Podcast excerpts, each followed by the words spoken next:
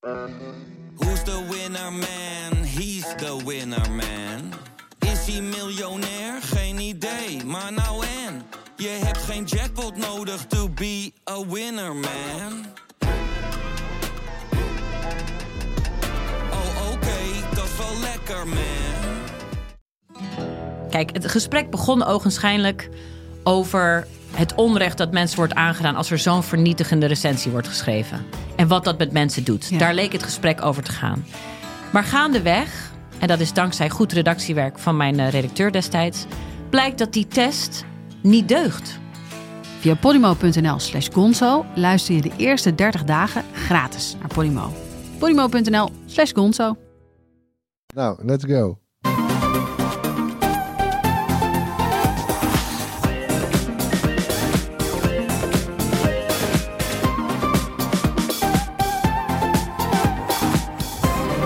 Welkom bij de Bright Podcast van vrijdag 24 januari alweer. Tof dat je weer luistert. Mooi. Ehm, ja, we zitten allemaal weer klaar in de Bright Podcast Studio op het Mediapark. We praten hierbij over de trending topics in tech. Ik ben Harm en aangeschoven zijn Erwin, Hey man. Floris Yo. en Tony. Hoi. Opmerkelijk nieuws deze week over Apple. Eh, Apple had twee jaar geleden plannen om backups van iPhones die in clouddienst iCloud te staan, om die ook te versleutelen. Maar onder druk van de FBI hebben ze dat plan laten varen. En dat is behoorlijk opmerkelijk, want het bedrijf dat zegt natuurlijk altijd: What happens on your iPhone stays on your iPhone. En wil heel erg graag eh, ja, met privacy in verband gebracht worden. Ehm, ja, Floris, hoe zit dit? Nou ja, het, het verhaal is een beetje, je iPhone zelf is natuurlijk versleuteld. Daar kan je ook niet in. Daar kan Apple zelf ook niet in. Eh, zij weigeren dat ook altijd. Als de FBI dan vraagt, help ons eens. We hebben een iPhone van een terrorist, maak die open. Zegt, Apple, ja, sorry, we hebben de sleutels ook niet. Maar ze dat gebeurde van de week nog. Ja, en dat weigert Apple ook eh, altijd, ook openlijk en zo. En ze zeggen van, nou, wij bieden al genoeg hulp. Eh nou, deel van die hulp blijkt dus het toegang geven tot backups. Want die backups, die zijn in principe wel versleuteld. Eh, maar Apple bewaart het sleuteltje. Zodat, is kennelijk het verhaal, en dat heeft Tim Cook ook al een aantal malen gezegd. eh, veel mensen die hebben dan zo'n backup. Die, weet je, je, je, je iPhone backupt elke nacht. Als je op een gegeven moment, om wat voor reden dan ook, je, je wachtwoorden verliest en je verliest je telefoon, dan kan je, dan kan je ineens nergens meer bij. Als je niet gewoon dat slim hebt opgeschreven, je wachtwoord. Ja. Eh, en dan is dus Apple de enige die daar nog wel toegang tot kan geven. En het schijnt dat het zo vaak voorkomt, dat ze er nog steeds voor hebben gekozen om daar geen, eh, om die sleutels niet zelf ook weg te gooien. Ja, dus eigenlijk gewoon een soort eh, zekerheidje. Als het allemaal, al- als Ja. shit hits de van, dan kun je altijd nog... Maar ja, het Ja, is- dat, dat, eh, maar dat, goed, dat, het is wel, heel joviaal. Maar ja, dat is maar natuurlijk wel een soort ja. landmijn onder een hele privacybeleid Het is eigenlijk. een zwakke plek. En het is ook Ja. gek dat je daar, nou ja, weet je, laat het überhaupt een optie zijn minstens. Mhm. Want nu weten we dus inmiddels dat, eh, de, nou ja, Apple twee jaar geleden van plan zou zijn geweest om die sleuteltjes weg te gooien. Om, om echt end-to-end encryptie eh, op die backups eh, eh, toe te passen. Ja, waardoor dus echt helemaal niemand er nog, zeg maar, Precies. achteraf iets mee kan. Ja, alleen degene met het wachtwoord. Apple niet, jij ook niet als je je wachtwoord kwijt bent. Gewoon, nou ja, echt, echt veilig. Ja. En het, het schijnt dat toen de FBI tegen Apple heeft gezegd... nou, doe maar niet, want wij vinden het wel lekker makkelijk... dat we ze nu en dan eens kunnen grasduinen in de backups van bijvoorbeeld terroristen. Maar dat meldt trouwens Reuters. eh, niet de eerste, de, hè, niet de minste, natuurlijk. Nee, maar wel op basis van anonieme bronnen. Ja, en ook allemaal, weet je, niet per se bronnen hoog in de boom... maar mensen die zeggen van, nou, weet je, ik heb ook weer binnen het bedrijf gehoord dat... Ja, mensen die werkten bij Apple. Eén medewerker die er nog steeds werkt. Ja. eh, en zo nog een paar. hè. Ook eh, FBI, hetzelfde, hetzelfde geval. Nou, wel zes verschillende mensen. Zes mensen, ja. Dat maakt het verhaal wel iets sterker. Ja. Het is wel opmerkelijk, toch? Want eh, ja, FBI en Apple die liggen natuurlijk vaak eh, in de clinch. Waar hebben we dat in het verleden ook alweer gezien? Kun je even de geheugens eh, refreshen?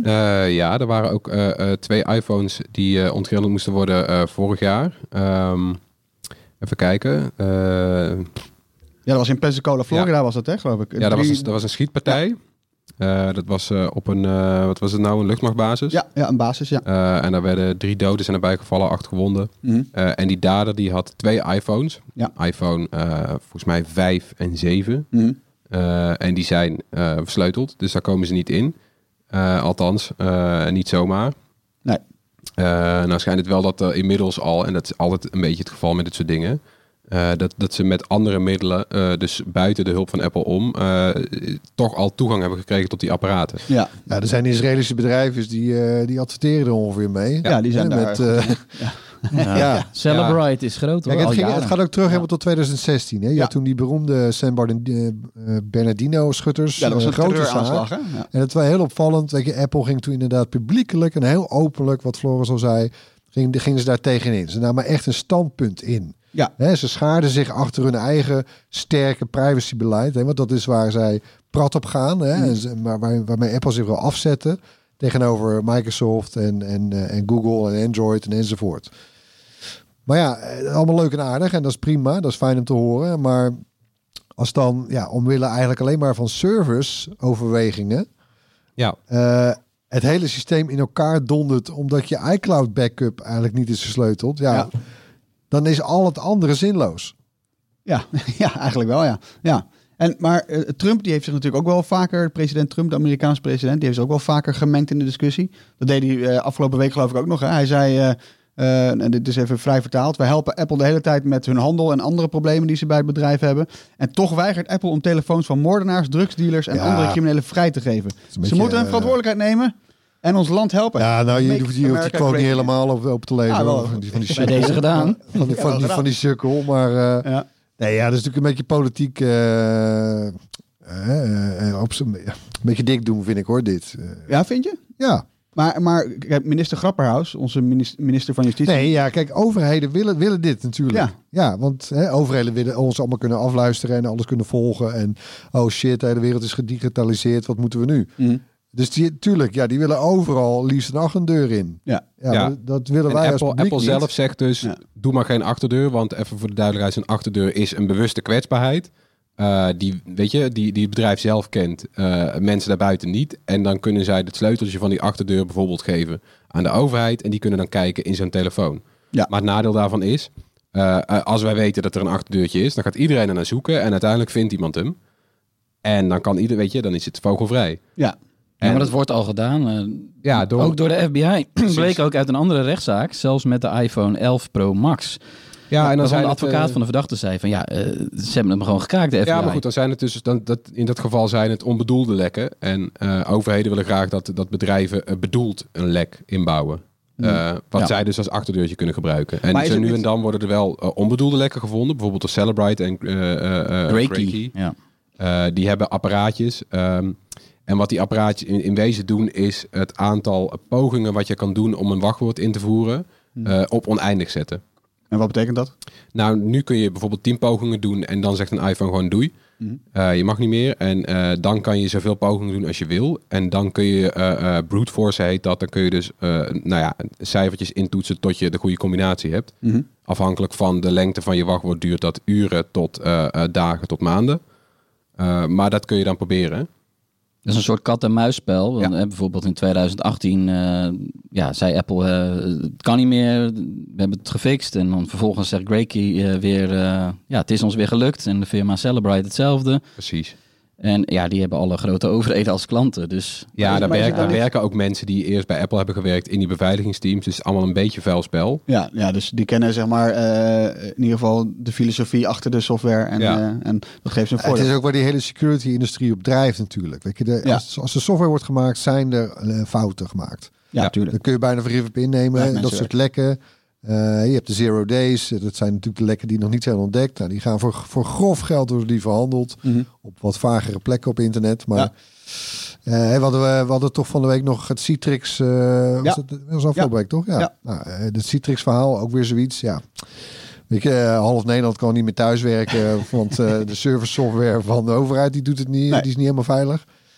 Ehm, Maar is het, is het dan, want wat, wat, wat ik me dan afvraag, is het dan niet gek dat de FBI en de Amerikaanse president zich zo hard op eh, ja, bemoeien eigenlijk met, met, met bedrijfsbeleid, terwijl ze eigenlijk via een, een Nou, het andere is ingang een hebben ze die politiek ingang toch. spel geworden eigenlijk. Het Ja. is een politiek spel geworden. Want ik bedoel, het zijn twee hele heldere standpunten. Mhm. Eh, De overheid zegt van ja, wij willen jullie, eh, wij willen onze burgers kunnen be- beschermen. Mhm.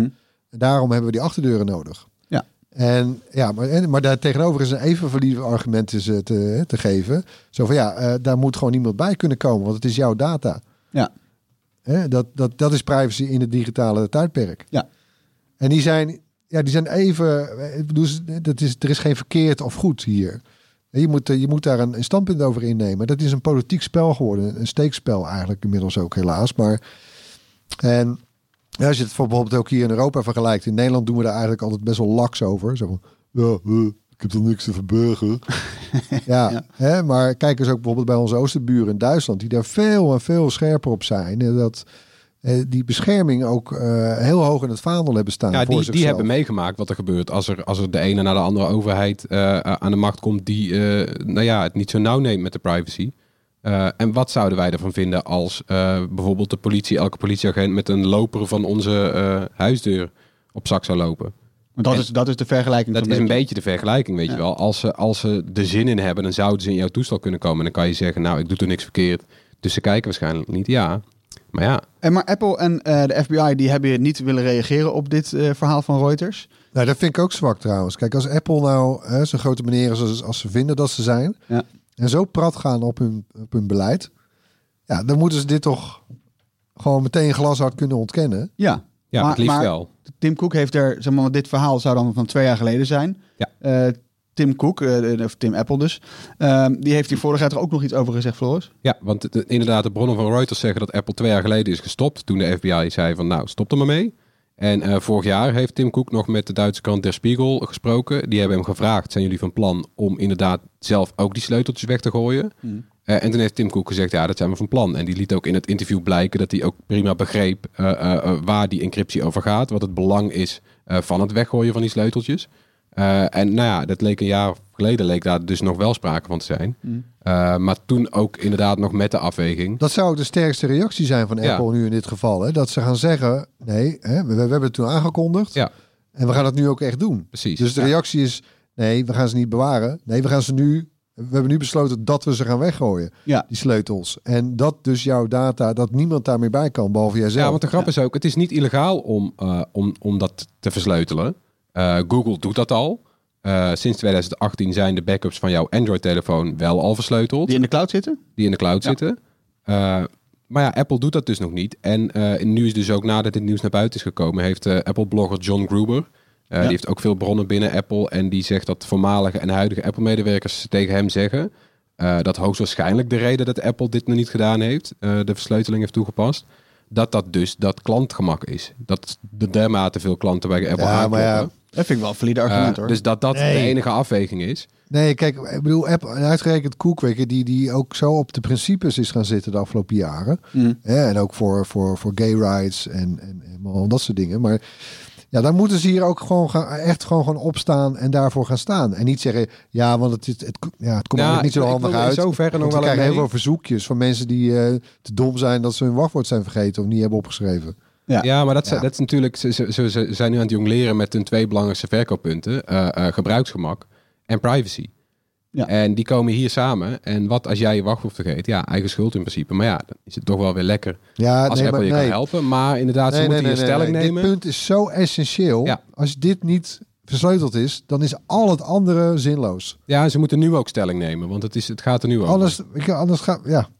Dan kun je wel zeggen, ja, eh, je data op je iPhone is allemaal versleuteld. Ja, eh, nou, hartstikke leuk voor je, maar ik bedoel, eh, aan de andere, op de, op de iCloud service loopt het toch ongeveer Ja, maar, uit. ja, maar ho, dit is natuurlijk een keuze om een backup te maken. Je kan er ook voor kiezen om die backup gewoon helemaal niet te maken. Dus Ja, als je dat niet of wil, lokaal. Je kan hem ook lokaal maken op iTunes, dan is hij al jarenlang standaard versleuteld. Ja, dus op, op zich een valide punt wat je zegt, maar het, het kan natuurlijk wel. Als je, voor de als- consument zijn er alternatieven. ja, ja, Wat- ja, en ik vind ook gewoon onnozel dat het niet een keuze is. Want ik wil er nog best in mee dat je zegt van oké, de onnozele gebruiker die misschien geen wachtwoordmanager heeft, die niet alles onthoudt, opschrijft. Mhm. eh, die nemen we standaard, eh, weet je wel. Eh, op die manier bewaren wij zijn sleutel. Ja. Maar ik wil, weet je wel, als tussen aanhalingstekens ervaren gebruiker toch minstens de optie hebben om te zeggen, nee, gooi mijn sleuteltje maar weg. Ja. Bewaar het zelf wel. En als ik dat verzaak, dan ben ik mijn spullen kwijt. Kan ook nog een optie zijn, ja, dat, zou, je, dat je eh, de keuze eigenlijk aan de consument laat. Ja, maar, Maar- eigenlijk zouden ze er beter aan doen om te zeggen van... we gooien die sleuteltjes weg. Eh, we geven een extra waarschuwing, bewaar dit wachtwoord goed... want het is je laatste kans. Maar in de, in de tijdlijn, zeg maar, zoals we hem hè, nu een beetje schetsen, twee jaar geleden Ja. is dit dus ter sprake geweest. Een jaar geleden zei Apple, eh, Tim Cook zei dus kennelijk tegen de Spiegel dat het toch nog een optie is. Dus het zou maar zo kunnen dat, dat dit wel weer op tafel komt en dat ze het toch gaan doen.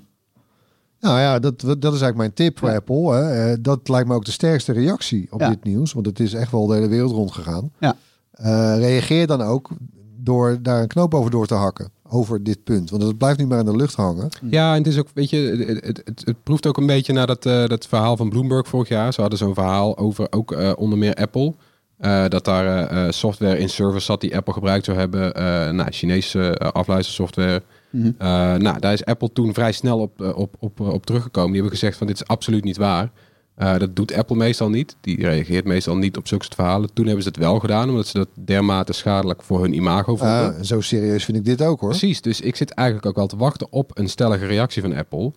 En anders moet je inderdaad een beetje zelf gaan lopen speculeren van nou, wat, wat vinden we van hiervan en wat denken we er nou van? Maar mis- misschien moet de Amerikaanse politiek ook wel in actie komen. Want het, het vreemde of mysterieuze in dit geval is dat de FBI gaat klagen over iets wat intern bij Apple wordt besproken. En daar hebben wij het ook over gehad. Ja, daar hadden we, hadden we het eh, kort over. Ze- over, ja. Het gaat over een plan wat daar rondgaat. Hoe weet de FBI dat?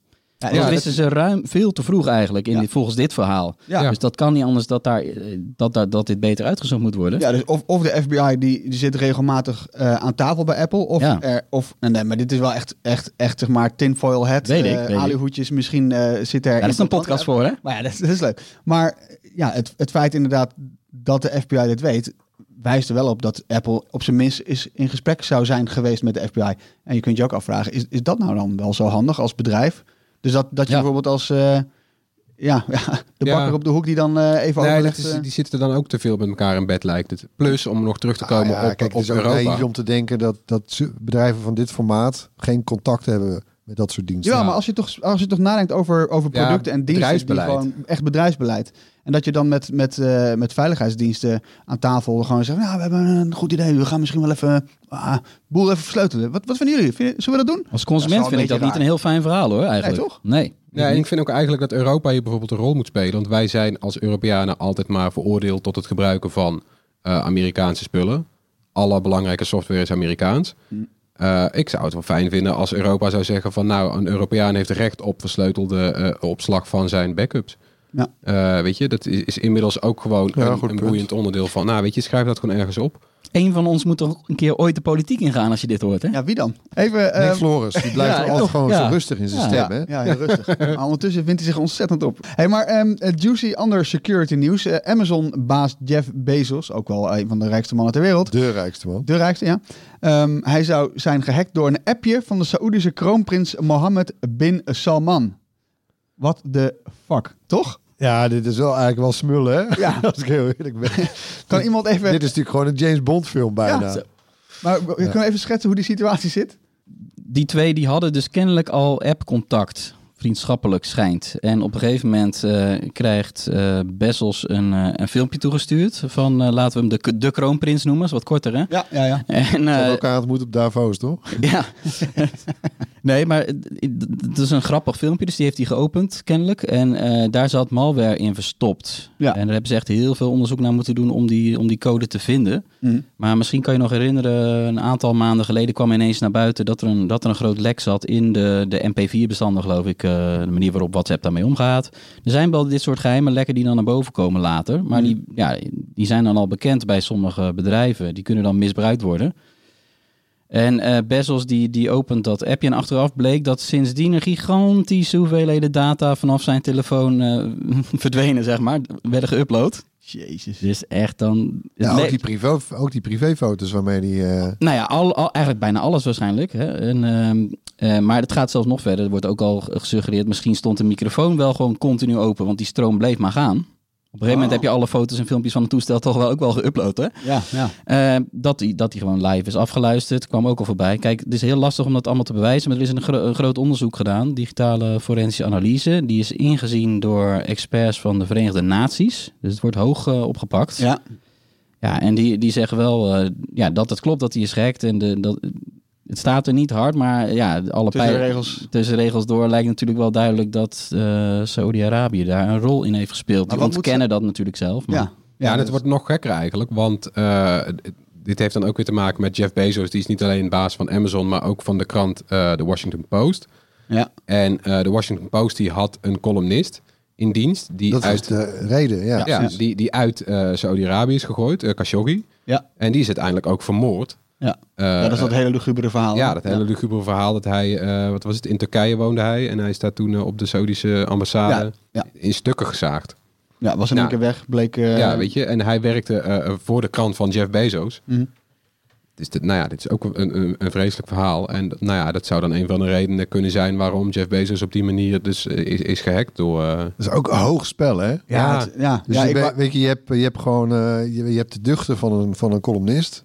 Ja. En dan ga je helemaal achter de eigenaar van die krant aan. Wat ook nog eens de rijkste man ter wereld ja, is. dit is toch een hoog spel hoor. Ja, minder speculatief is het, eh, het hoorspel. Iedere week laten wij een techgeluid horen. En we gaan meteen even naar het geluid van vorige week. Ja, nog even één keer hè. Want dat Ja, blijf schattig. lief. Ja, is hij geraden? ja, Nou? Het was namelijk eh, de robot Lovold. Eh jij hebt hem gezien op eh Techbeurs 6. Wat een gaaf ding. De schattigste robot, toch? Van, Ja, maar, ja, maar echt. Dat, dat, zeg maar, dat ding dat reed daar rondjes. En dan pakt hij hem, pakt hij hem op. En dan, nou, de, de, de wieltjes die aan de onderkant in zitten, die gingen dan omhoog. Kon je makkelijk oppakken. En er zaten dus de, de oogjes, dat waren gewoon, zijn eigenlijk gewoon LED- LED-schermpjes. En daar worden dus gewoon oogjes op geprojecteerd, alsof het een televisie is, I don't know. Maar gewoon, die oogjes die nemen dus allerlei, ja, zie je allerlei emoties in. En dat beestje dat reageert dus met eh, iets van, eh, ik zeg even uit mijn hoofd, 13 sensoren die in het ding zitten. Reageert hij ook op aanraking. Dus dan kun je hem op zijn neus drukken, dan wordt hij in één keer wakker. En als je hem een beetje aait, dan begint hij lekker te kroelen. En dan gaat hij lekker Beschrijf hem eens trouwens. Want ja, bij een robot eh, kan, kan er heel gek uitzien. Het is, het is een beetje, of, een beetje een eivormig ding. Dat, dat, dat is het gevoel wat ik er een beetje op bij had. En dan zat er boven op het hoofd zat een camera. Eh, en die was dan, nou ja... een zachte stof, hè? Zacht. Ja, zachte stof. En je kon hem allemaal kleedjes Een aantrekken. had. Je Ja, kon eh, vachtje. een capuchontruitje aantrekken. Felle kleuren. Felle kleuren. Dus een soort Schattig. teletubby. Ja, en eigenlijk heb je er geen fluit aan, maar het was wel schattig. Voor iets, maar ja, goed. Ehm, maar er heeft iemand heeft het dus geraden. Ja, meerdere mensen wisten dit. Eh, en degene met het meest uitgebreide antwoord, en dat vinden we toch altijd wel fijn, een uitgebreid antwoord, Ja, eh, dat was eh, Bas Den Hartog. lekker Bas. Ja, dus gefeliciteerd. Eh, het Bright T-shirt komt jouw kant op. Nou, top. Hebben we natuurlijk ook weer een nieuw geluid. Luister goed. Even hoor. Ik, ik, ik weet dus nu niet wat het is. Vorige week wist ik, wist ik het natuurlijk van Ah. tevoren. Ik weet het niet. Ik heb... Ja, eh, zeg het maar. Ik, ja, eh, niet. Dus zeg het maar niet. Dit is het gewoon. Dit is het geluid. Ehm, als je denkt dat je weet wat het is, stuur dan je antwoord naar het bekende mailadres podcast.bright.nl. Eh, onder de mensen die het juiste antwoord insturen, verloten we natuurlijk weer zo'n episch Bright t-shirt. Tijd voor het eh, rondje kort nieuws. Nergens in Europa worden namelijk zoveel datalekken gemeld als in Nederland. Tussen mei 2018 en januari eh, di- dit jaar, 2020, werden hier meer dan 40.000 lekken gemeld. Even de vergelijking. Duitsland, toch onze grote buur, die is tweede met ruim 37.000 meldingen. Gevolgd door Groot-Brittannië, dat waren er eh 22.000. Nou, advocatenkantoor DLA Piper heeft een, onder, eh, een overzicht gemaakt van de meldingen sinds het ingaan van die nieuwe Europese privacyregels, de AVG. Dat was, eh, nou, die hebben we nu al een tijdje, anderhalf jaar zo'n beetje. Eh, bedrijven, overheden, ziekenhuizen en onderwijsinstellingen en ook andere organisaties zijn namelijk verplicht om ernstige datalekken te melden. Nou, ik vind het echt veel. Ja, voor 40.000. zo'n voor zo'n klein land Ja, toch? eigenlijk. Ja, nou ja, goed. Die andere landen, die verzuimen misschien massaal om het te melden, die bedrijven. Ja, Nee, ja, dat is allemaal verplicht, hè? Ja, maar het gaat om gemelde datalekken. Het wil niet, er zullen natuurlijk veel meer... Ja, in België hebben ze maar... het ja, in België melden. hebben ze maar 1300 meldingen. Ja, dat is wel heel verdacht. Ja, dat, dat klopt nooit in België. Niet dat, echt niet dat zij hun shit beter op orde hebben dan wij, hoor. als je je niet. snelwegen niet goed kunt, kunt onderhouden. Dan, eh, Dus misschien is, misschien is het goede nieuws wel dat we zo braaf zijn met melden. Ja, nou Zou ja, ook nog kunnen, is hè? wel heel erg Nederlands natuurlijk. Oh, Maar het zijn er wel heel gedaan. Even vertellen. Nou ja, Ehm, iets anders. De, Vallen daar, Oh. vielen hier trouwens nou ook eh, de, de, de hostages, eh, of, de gijzelnames onder, zoals de Universiteit van Maastricht laatst? Eh, dat, nee, dat, dat, dat is nog niet zeker. Want dat ligt eraan wat er uit het forensisch onderzoek komt. Of er ook data is gelekt. Dat is natuurlijk altijd de vraag. Hmm. Dus bij zo'n ransomware aanval hebben natuurlijk hackers toegang gekregen tot het netwerk. Om die ransomware, ransomware te plaatsen. Ja, en of er dan data is gestolen, dat is nog onduidelijk. Maar de Universiteit van Maastricht gaat over twee weken, zeg ik even uit mijn hoofd, komen zij met meer informatie over wat er precies is gebeurd in Maastricht. Dus dan eh, horen we dat. De hoeveelheid straling die van 5G-zendmasten komt, blijft onder de Europese limieten hier in Nederland. Dat blijkt uit metingen bij testopstellingen. Eh, maar de zorgen zijn nog niet uit de lucht, want er komen meer antennes en er wordt meer data gebruikt als het 5G-netwerk er uiteindelijk echt is. De toezichthouder Agentschap Telecom en het Rijksinstituut voor Volksgezondheid en Milieu... die gaan dus een vinger aan de pols houden... en blijven ook in de toekomst, als het 5G-netwerk verder wordt uitgerold... ehm, dit soort metingen doen om te kijken of het onder de ja, gestelde limieten blijft. Ja, ik had gehoopt op eh, misschien al iets meer uitsluitsel. Ik, ik vind het ook lastig. Weet je, het is, eh, we hebben dat natuurlijk ook bij, bij, bij 4G meegemaakt, bij UMTS. Eh, Ja. dat zal bij 6G waarschijnlijk weer net zo gebeuren. Eh, mensen die er last van hebben of denken er last van te hebben. eh, terwijl, je, er is in elk onderzoek wat daar dan vervolgens naar wordt gedaan, nu ook weer door het RIVM. Ja. Ja, eh, daar, het is allemaal oké. Ja. Er zijn geen... Nee, het, is, ja, totdat misschien wel, wat ik veel, dat opeens over twintig jaar dat we iets ontdekken. ja, nee, Dat precies. we denken van fuck. Ja, Nou ja, we d- zijn zij- al decennia lang hadden we het mis. Zij onderzoeken in dit geval helemaal niet de impact op de gezondheid natuurlijk. Ze onderzoeken of het in de buurt van een, een norm komt. Norm, ja. ja. die in Europa is gesteld omdat Nederland er geen heeft. Die nemen we dan Ja, daar over. zitten we dik, dik onder dus. Hè? Ja. En, eh, maar het klopt natuurlijk wat ze zeggen. Eh, je moet wachten totdat al die zendmasten aanstaan en het intensief gebruikt wordt. Ja, er zijn, er zijn 15 proefopstellingen. Ik zeg het heel even uit mijn hoofd. Dus ze hebben nu bij vijf hebben ze tests gedaan. Nou ja, dat zijn dus enkele, enkele punten. Eh, ja, en dan zitten ze dus eh, ver onder de Europees geldende norm. Ze zitten geloof ik op 3 tot 5 procent van die norm. Eh, nou, en die norm die is gesteld als je aan het, eh, aan, aan het maximum komt, zeg maar. Dat je, eh, daar moet je onder blijven. Dat maximum zegt eigenlijk, als je hieronder blijft, dan is er geen ehm, effect eigenlijk op de gezondheid door die straling. Nou ja, dat hebben ze nu gedaan op die, die testopstelling. En we krijgen dus inderdaad straks meer masten. Dus er zijn, ja, de, dan is er gewoon meer en er is meer verkeer. Dus Schat eens in hoeveel eh, 5G-zendmasten er straks zijn. Eh, ja, ik heb de. Nou, het wordt er wel meer als bij 4G. Dat is wel bekend. ja. Dus de dichtheid van masten die neemt toe. Ja, je hebt. Je, Maar ik vraag me af, als gezien de score die we nu hebben, ja, dan zou bij wijze van spreken, dan zou elke lantaarnpaal vervangen moeten worden door een eh, 5G antennemast. Ja, Wil je daar aan gaan komen, denk ik? nou ja, dat, dat is dus. eh, nou, dat moeten we dus. Ja, maar het gaat, om Dus, het, eh, het gaat om het directe gezondheidsrisico van mensen die bijvoorbeeld in een flatgebouw wonen waar die zendmast bovenop staat. Daar gaat het om, op grote afstand. Ja, Ja. Is dat überhaupt... eh, Nou ja, kijk, het is, het is mooi en terecht dat ze het eh, in de gaten zullen blijven houden. Hebben deze week deel 2 van Achter de Schermen, de rubriek waarin we spreken met professionals op top tech posities. Eh, dit keer is het de beurt aan Mimoun Hadouti. Eh, zij is hoofd risk reporting en security bij de Rabobank. Dus dat lijkt me een eh, super vette baan eigenlijk. Het klinkt toch best wel een Dit is verantwoordelijke baan. wel eh, high-end hoor, ja. Eh, nou ja, Matthijs van der Pol zocht haar op. Ja, we zijn in Utrecht. Klopt. op bezoek bij de Rabobank eh, met Mimoun Hadouti. Eh, jij bent de hoofd cybersecurity eh, bij Rabobank. Wat doe je dan? Wat ik dan eh, doe is, ik hou mij bezig met risico's binnen de bank. Eigenlijk doe ik heel veel dingen. Ja. Ehm, dat doe ik natuurlijk niet alleen. Daar ben ik afhankelijk van mijn eh, team, maar ook afhankelijk van heel veel afdelingen binnen de bank. Maar je houdt je bezig met risico's binnen de bank. Ja, toen ik in aanraking kwam met security, toen heeft het mijn hart gestolen, laat ik het zo zeggen. Hoe komt dat? Het is gewoon, weet je, het is zo'n mooi vakgebied. Ik vind ehm, de mensen die erin werken, dat is wel echt wat mij trekt.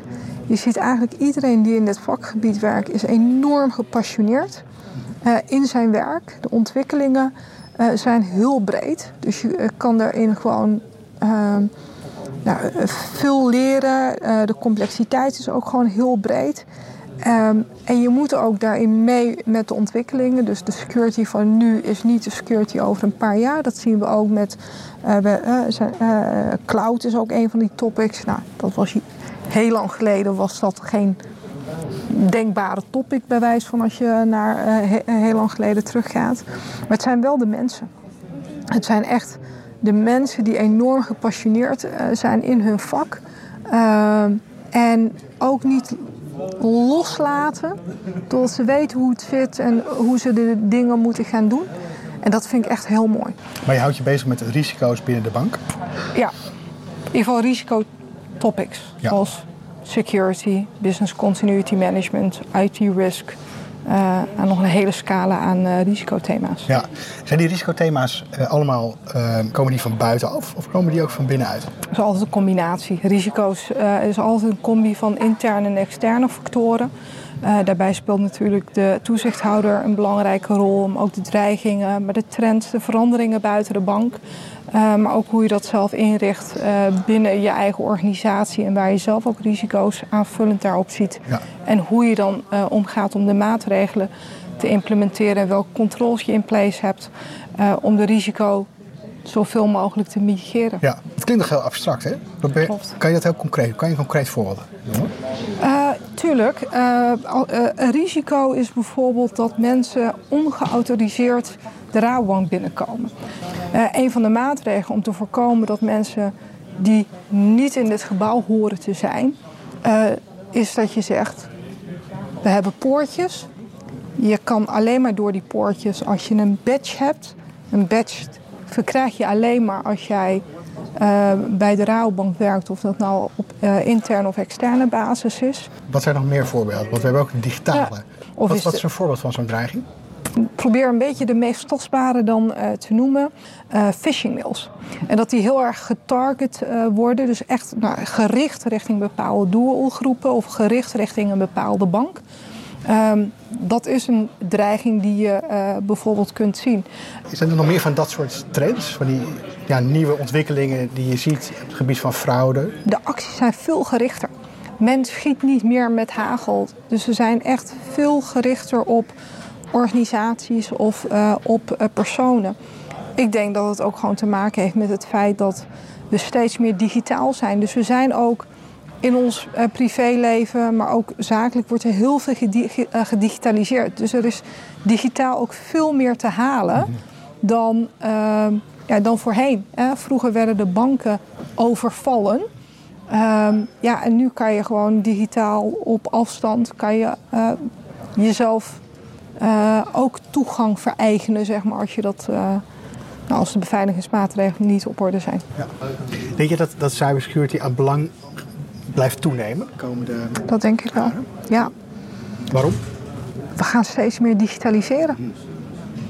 En eh, ik bedoel, als je kijkt naar jaren geleden, eh, ik kan het me nog herinneren, en nou, volgens iedereen ben ik niet zo oud. ja, toen had ik nog een Nokia. En eh, internet op mijn Nokia kon helemaal niet. Ik verstuurde sms'jes. En als ik nu kijk naar, eh, eh, naar de ontwikkelingen in de afgelopen jaren, en die gaan echt heel snel. Ehm, ja, weet je, op je telefoon doe je tegenwoordig bijna eh, alles. Begrijp het. Nee. Zullen we een rondje lopen? Ja, Ja. zeker. Eh, wij zijn in de torens van de Rabobank. Ja. We zijn bij First Line Risk. Dus hier zit grotendeels van de security organisatie. Het ehm, Threat Intel team, nou, die zit eh, daarachter, kunnen we langslopen. En we hebben ook eh red teaming. Ehm, daar is de deur wel van op slot. En eh, de ehm, ramen zijn ook geblindeerd. En mogen we niet naar binnen? Ehm, nee. Nee. en de reden waarom niet, ik weet niet of je de eh, terminologie red teaming kent. Wat ze eigenlijk doen is, dat zijn gewoon een groep hele slimme hackers. Wel ethical hackers. Dus die hacken om organisaties beter te maken. Die hacken niet om er zelf eh, persoonlijk eh, beter van te worden of om schade toe te brengen. We hebben een team daar zitten die ehm, ehm, voert in opdracht van onder andere eh, mij hacks uit. Natuurlijk zonder dat we daar eh, enig schade in, eh, in Maar ondervinden. proberen eigenlijk van buitenaf dit eigen systeem binnen te komen. Eh, het kan van buitenaf zijn, maar het kan ook gewoon intern zijn. En dat ga, eh, de reden waarom we dat doen is om onszelf continu scherp te houden. Eh, dat we, als wij gaps hebben, dat we die zelf identificeren om ze ook daadwerkelijk dan te dichten. Dus eigenlijk dat je een lerende organisatie wordt en dat je jezelf continu assest en scherp houdt van ben ik daadwerkelijk veilig, ja of nee? Want uiteindelijk in het hele cybersecurity eh, domein, het is een red race. Je moet continu verbeteren, je moet continu scherp zijn eh, en je moet daarin jezelf en de organisatie ook continu challengen. En door zo'n team te hebben die soms hele grote operaties en soms kleine uitvoeren, eh, ontdekken wij zelf waar verbetering mogelijk is en die dichten we dan ook. Ja, hier komen we, dat is wat ik eigenlijk net aangaf. Ja. Eh, hier zit het Threat Intel eh, team. Die, houden zich, eh, die zijn bezig met alle dreigingen. Ja. dagdagelijks. Dus die zijn ook gewoon 7 keer 24 bereikbaar. En houden dat in de gaten. En als zij iets zien, dan zetten ze dat ook door naar de teams. Naar het Cyber Defense Center of naar andere teams die daar iets mee moeten. Ja, dus zij zijn een soort van ja, ehm, een soort interne inlichtingendienst die eh, de Dat andere. vind ik wel heel mooi beschreven. Ja? Maar zo is het in Zoiets? basis Ja? eh, wel. Ja. Ja, en die de andere afdelingen voedt met, Ja. eh, met ja, actuele informatie om hen eh Zij doen focus dan te geven. breed. En zij, kunnen, zij worden ook ingezet. Stel dat je iets geks ziet. Van, ehm, wordt hun ook vaak de vraag gesteld, omdat zij het totaalbeeld hebben. eh, zien jullie iets in de buitenwereld of niet? Er werken natuurlijk ook 28.000 mensen voor eh Rabobank. En eh, die eh, moeten natuurlijk ook dat bewustzijn van die Ja. security tussen de oren krijgen. Absoluut. Hoe doen jullie dat? Wat wij ehm, daarin doen, wij hebben gewoon het hele jaar door een awareness-programma lopen. En in dat eh, awareness-programma hebben wij ook gewoon een baseline gezet. Dus eh, gezegd, dit is een minimale awareness wat iedereen moet, eh, ehm, ja, moet hebben. Eh, dus daar doen we allerlei oefeningen voor. ehm, maar het zijn ook hele basic dingen die we eh, doen, is ehm, ehm, die cameracovers Oh ja. eh, uitdelen. Dat je die op je laptop. Maar dit ook. Dat is super handig, want we hebben natuurlijk een hoop mensen die met openbaar vervoer reizen. En die vinden het nog wel eens handig om in de trein of als ze reizen met een keer gaan vliegen om eh, te werken. En als jij bezig bent met eh, vertrouwelijke informatie, dan is het best wel handig als mensen niet mee kunnen kijken. Eh, en dat is eigenlijk ook een vereiste. Dus eigenlijk gewoon hele simpele middelen eh, die ook gewoon ter beschikking stellen. Maar medewerkers ontvangen ook mailtjes, hè? ja, Ja, waarin ze wordt uitgelokt om op een linkje te klikken. Bijvoorbeeld of we ze, testen onszelf Ja. als organisatie of ze ook hun continu. DHL-tracking-code eventjes willen invullen. De bedoeling is natuurlijk om te zorgen dat mensen daar dan op klikken en Ja. ontdekken dat ze iets verkeerd doen. En op een website komen waar, eh, waar ze wordt gewezen op het risico. Ja, en dan gaat het met name om het lerend effect te verhogen. Hè? Want dat ehm, iemand een keer op een phishingmail eh, eh, klikt, ehm, weet je, dat kan iedereen gebeuren. Maar wel mensen bewust te maken en te leren wat ze dan moeten doen. Eén, hoe ze phishingmails kunnen herkennen. En twee, ook als je het dan een keer doet, wat doe je dan? Eh, hoe mee beperk je eventueel eh, schade? Eh, net zei je in het begin iets over ehm, de mens als zwakste schakel. En je zei ook net van ja, ik heb daar eigen kijk op. Eh, Ja, ik hoor het is dat? vaker hè, dat mensen zeggen, ja, maar ehm, de human eh, factor, of de mens is de zwakste schakel.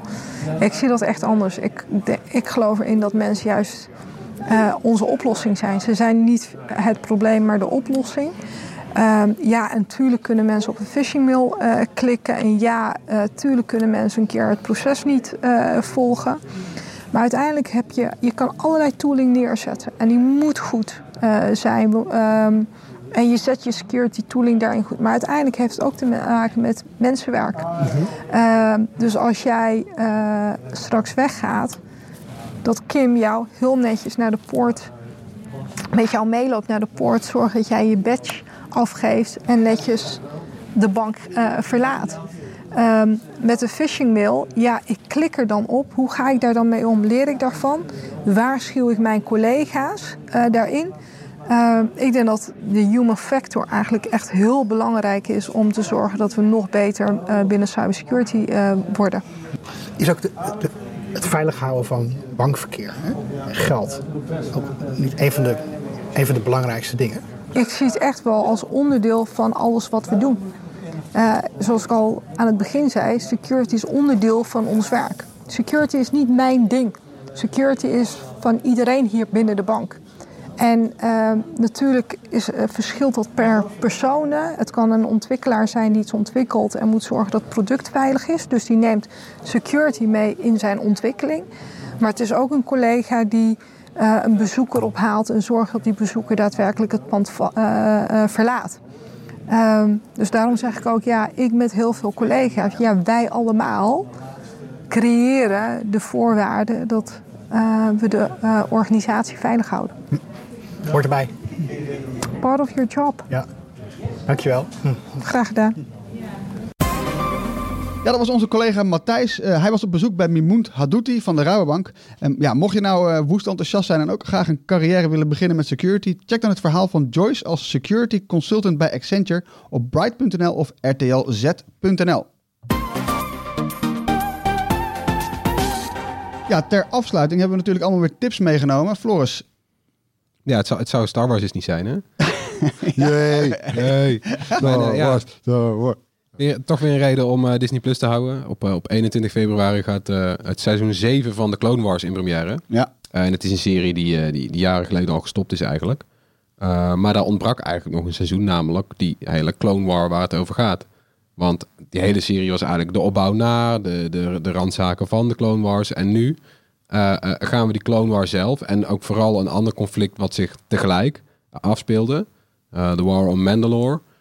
Die gaan we meemaken.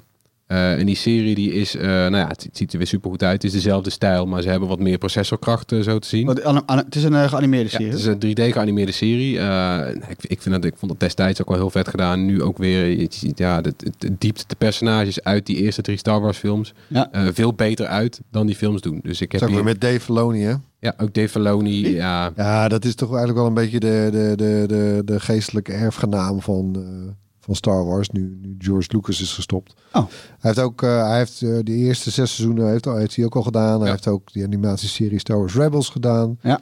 Hij heeft meegewerkt aan The Mandalorian. Ja, Ja, dan weer, maar- weer de wat- wat- Mandalorian, Baby. Yoda. ja wat, hij, wat hij doet is de teugels heel goed strak houden wat betreft eh, een soort van een overkoepelend verhaal. Eh, dus dat zie je ook weer in de trailer die nu uit is. Ja. Eh, voor het zevende seizoen daar zie je dan ook wel wat personages eh, in hun jonge jaren. Ook helemaal niet expliciet genoemd, maar die zie je op de achtergrond van, van één shot. Zie je een personage uit de andere serie. Ja, weet je. Hij knoopt zo alles een beetje aan elkaar. Is het al bekend hoeveel afleveringen het zijn? Want dit is het laatste seizoen ook. Hè? Dat weet ik niet uit mijn hoofd. Nou, hopelijk lekker veel. En zijn al die andere seizoenen die zijn te zien op Disney Plus, toch? Neem ik aan. Ja, en Rebels Ja, dan moet je wel opschieten hoor. Want dat zijn er aardig wat bij elkaar. Ja, En deze trailer is dus... eh, dan is, die is te zien. Die zullen we linken. top. Erwin, wat heb jij meegenomen? ja, even een korte update over mijn eh, grilled eh, PayPal eh eh, debakeltje. Oh ja, ja, wacht. Eh, Ja, ja, ik, ik weet nog waar het over gaat, maar voor de mensen die het vorige keer niet hebben Ja, gehoord. precies. Ik had, ik had iets verkocht op een, eh, op een website dat heet Grilled. Dat is een soort I- eBay, maar dan alleen maar gericht op, op kleding en, en schoenen. Een beetje eh, mannenmode, zeg maar. Ja.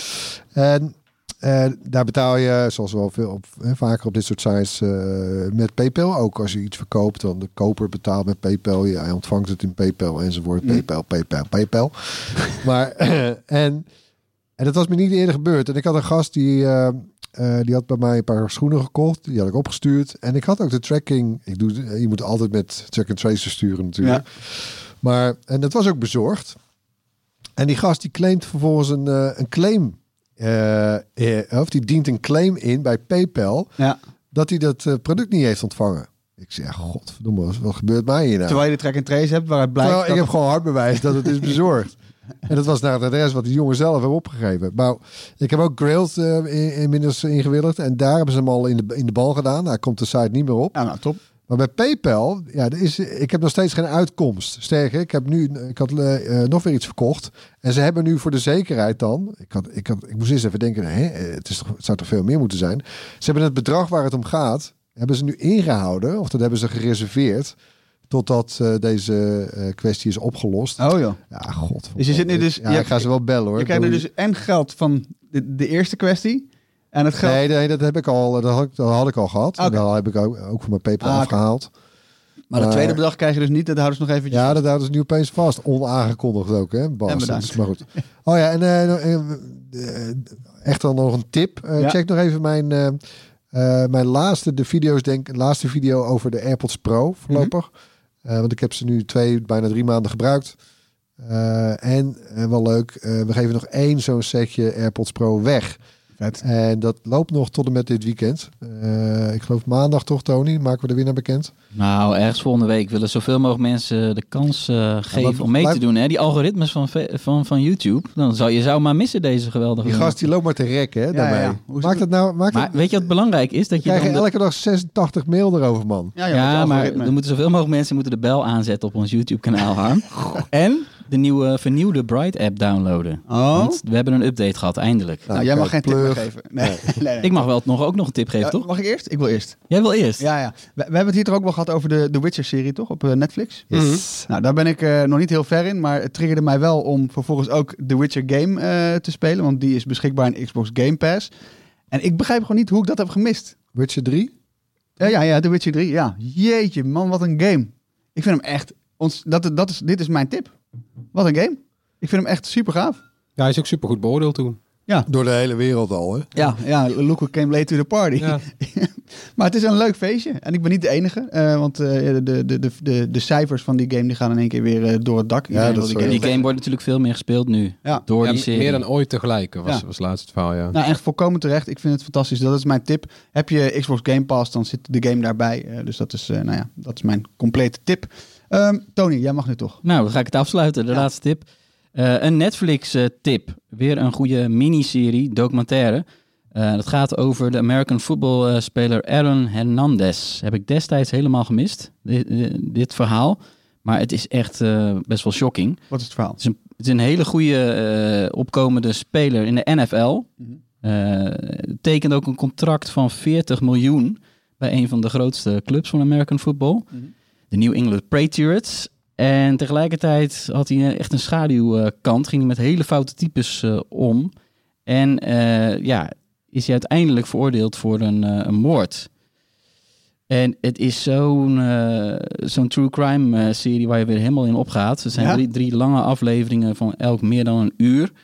Eh, en het, het, het, het extra ja, eh, rare eraan is dat ze gewoon eh, gebruik mochten maken van alle telefoongesprekken die hij vanuit de gevangenis met allerlei mensen heeft gevoerd. Die hoor je gewoon de hele tijd tussendoor. We waren niet versleuteld. Dat, dat mag kennelijk in Amerika gewoon. En dat, dat maakt het wel extra eh, spannend om naar te kijken. Hm. En het heet eh, Killer Inside. Ik denk dat we meer van deze series gaan zien nog weer bij Netflix, want het is gewoon heel populair. Ja. The Mind laatst of nog de Don't Fuck With Cats. Ook zo, Ja. True Crime is, ja, dat is ook fantastisch. En Netflix doet dat toch echt goed hoor. Want ik heb hier dit gewoon weer in één klap uitgekeken. Ja, ik vond je al een beetje vermoeid kijken. Ja, het was, het was ook vannacht Hij was ook inderdaad. laat hoor, vanochtend. Het was tot twee uur s'nachts geloof ik. Ik kon het gewoon niet uitzetten. Ik moest gewoon uitkijken. Ja. Ja, En, en ja, dat is wel het succes eh, van Netflix natuurlijk. Elke keer weer iets nieuws voorschotelen, wat je toch blijft kijken. Ja. En deze week kwamen ook weer eh, nieuwe cijfers van Netflix naar buiten. Ze hebben toch weer in één kwartaal bijna 9 miljoen nieuwe abonnees erbij gehaald. En eh, in Amerika hebben ze wel last van Disney+, Plus, Ja. maar wereldwijd eigenlijk nog niet. Nee, en Disney Plus is natuurlijk ook nog niet overal beschikbaar. Maar eh, nou ja, en er zijn natuurlijk meer concurrenten. Maar dat is knap, 9 miljoen erbij. Ehm, ja, nou, dat, eh, dat, dat sluit hem af hè, voor vandaag, geloof ik. Hè? Yes. Ehm, ja, dan eh, rest mij niets aan jullie te bedanken voor het luisteren. Eh, laat gerust iets van je horen. Mail ons op podcast.bright.nl als je dus het geluid hebt geraden. Of gewoon andere suggesties of vragen hebt voor Tony, Erwin, mij of Floris. Je kunt ons ook opzoeken op Twitter, Facebook of Instagram, eh, YouTube. Eh, download onze app natuurlijk. Dat was de, de tip van Tony. Maar dat is ook een goede tip. Ehm, Doe dat vooral. Dan blijf je op de hoogte van het laatste nieuws. Eh, tot zover. Tot volgende week. Hoi.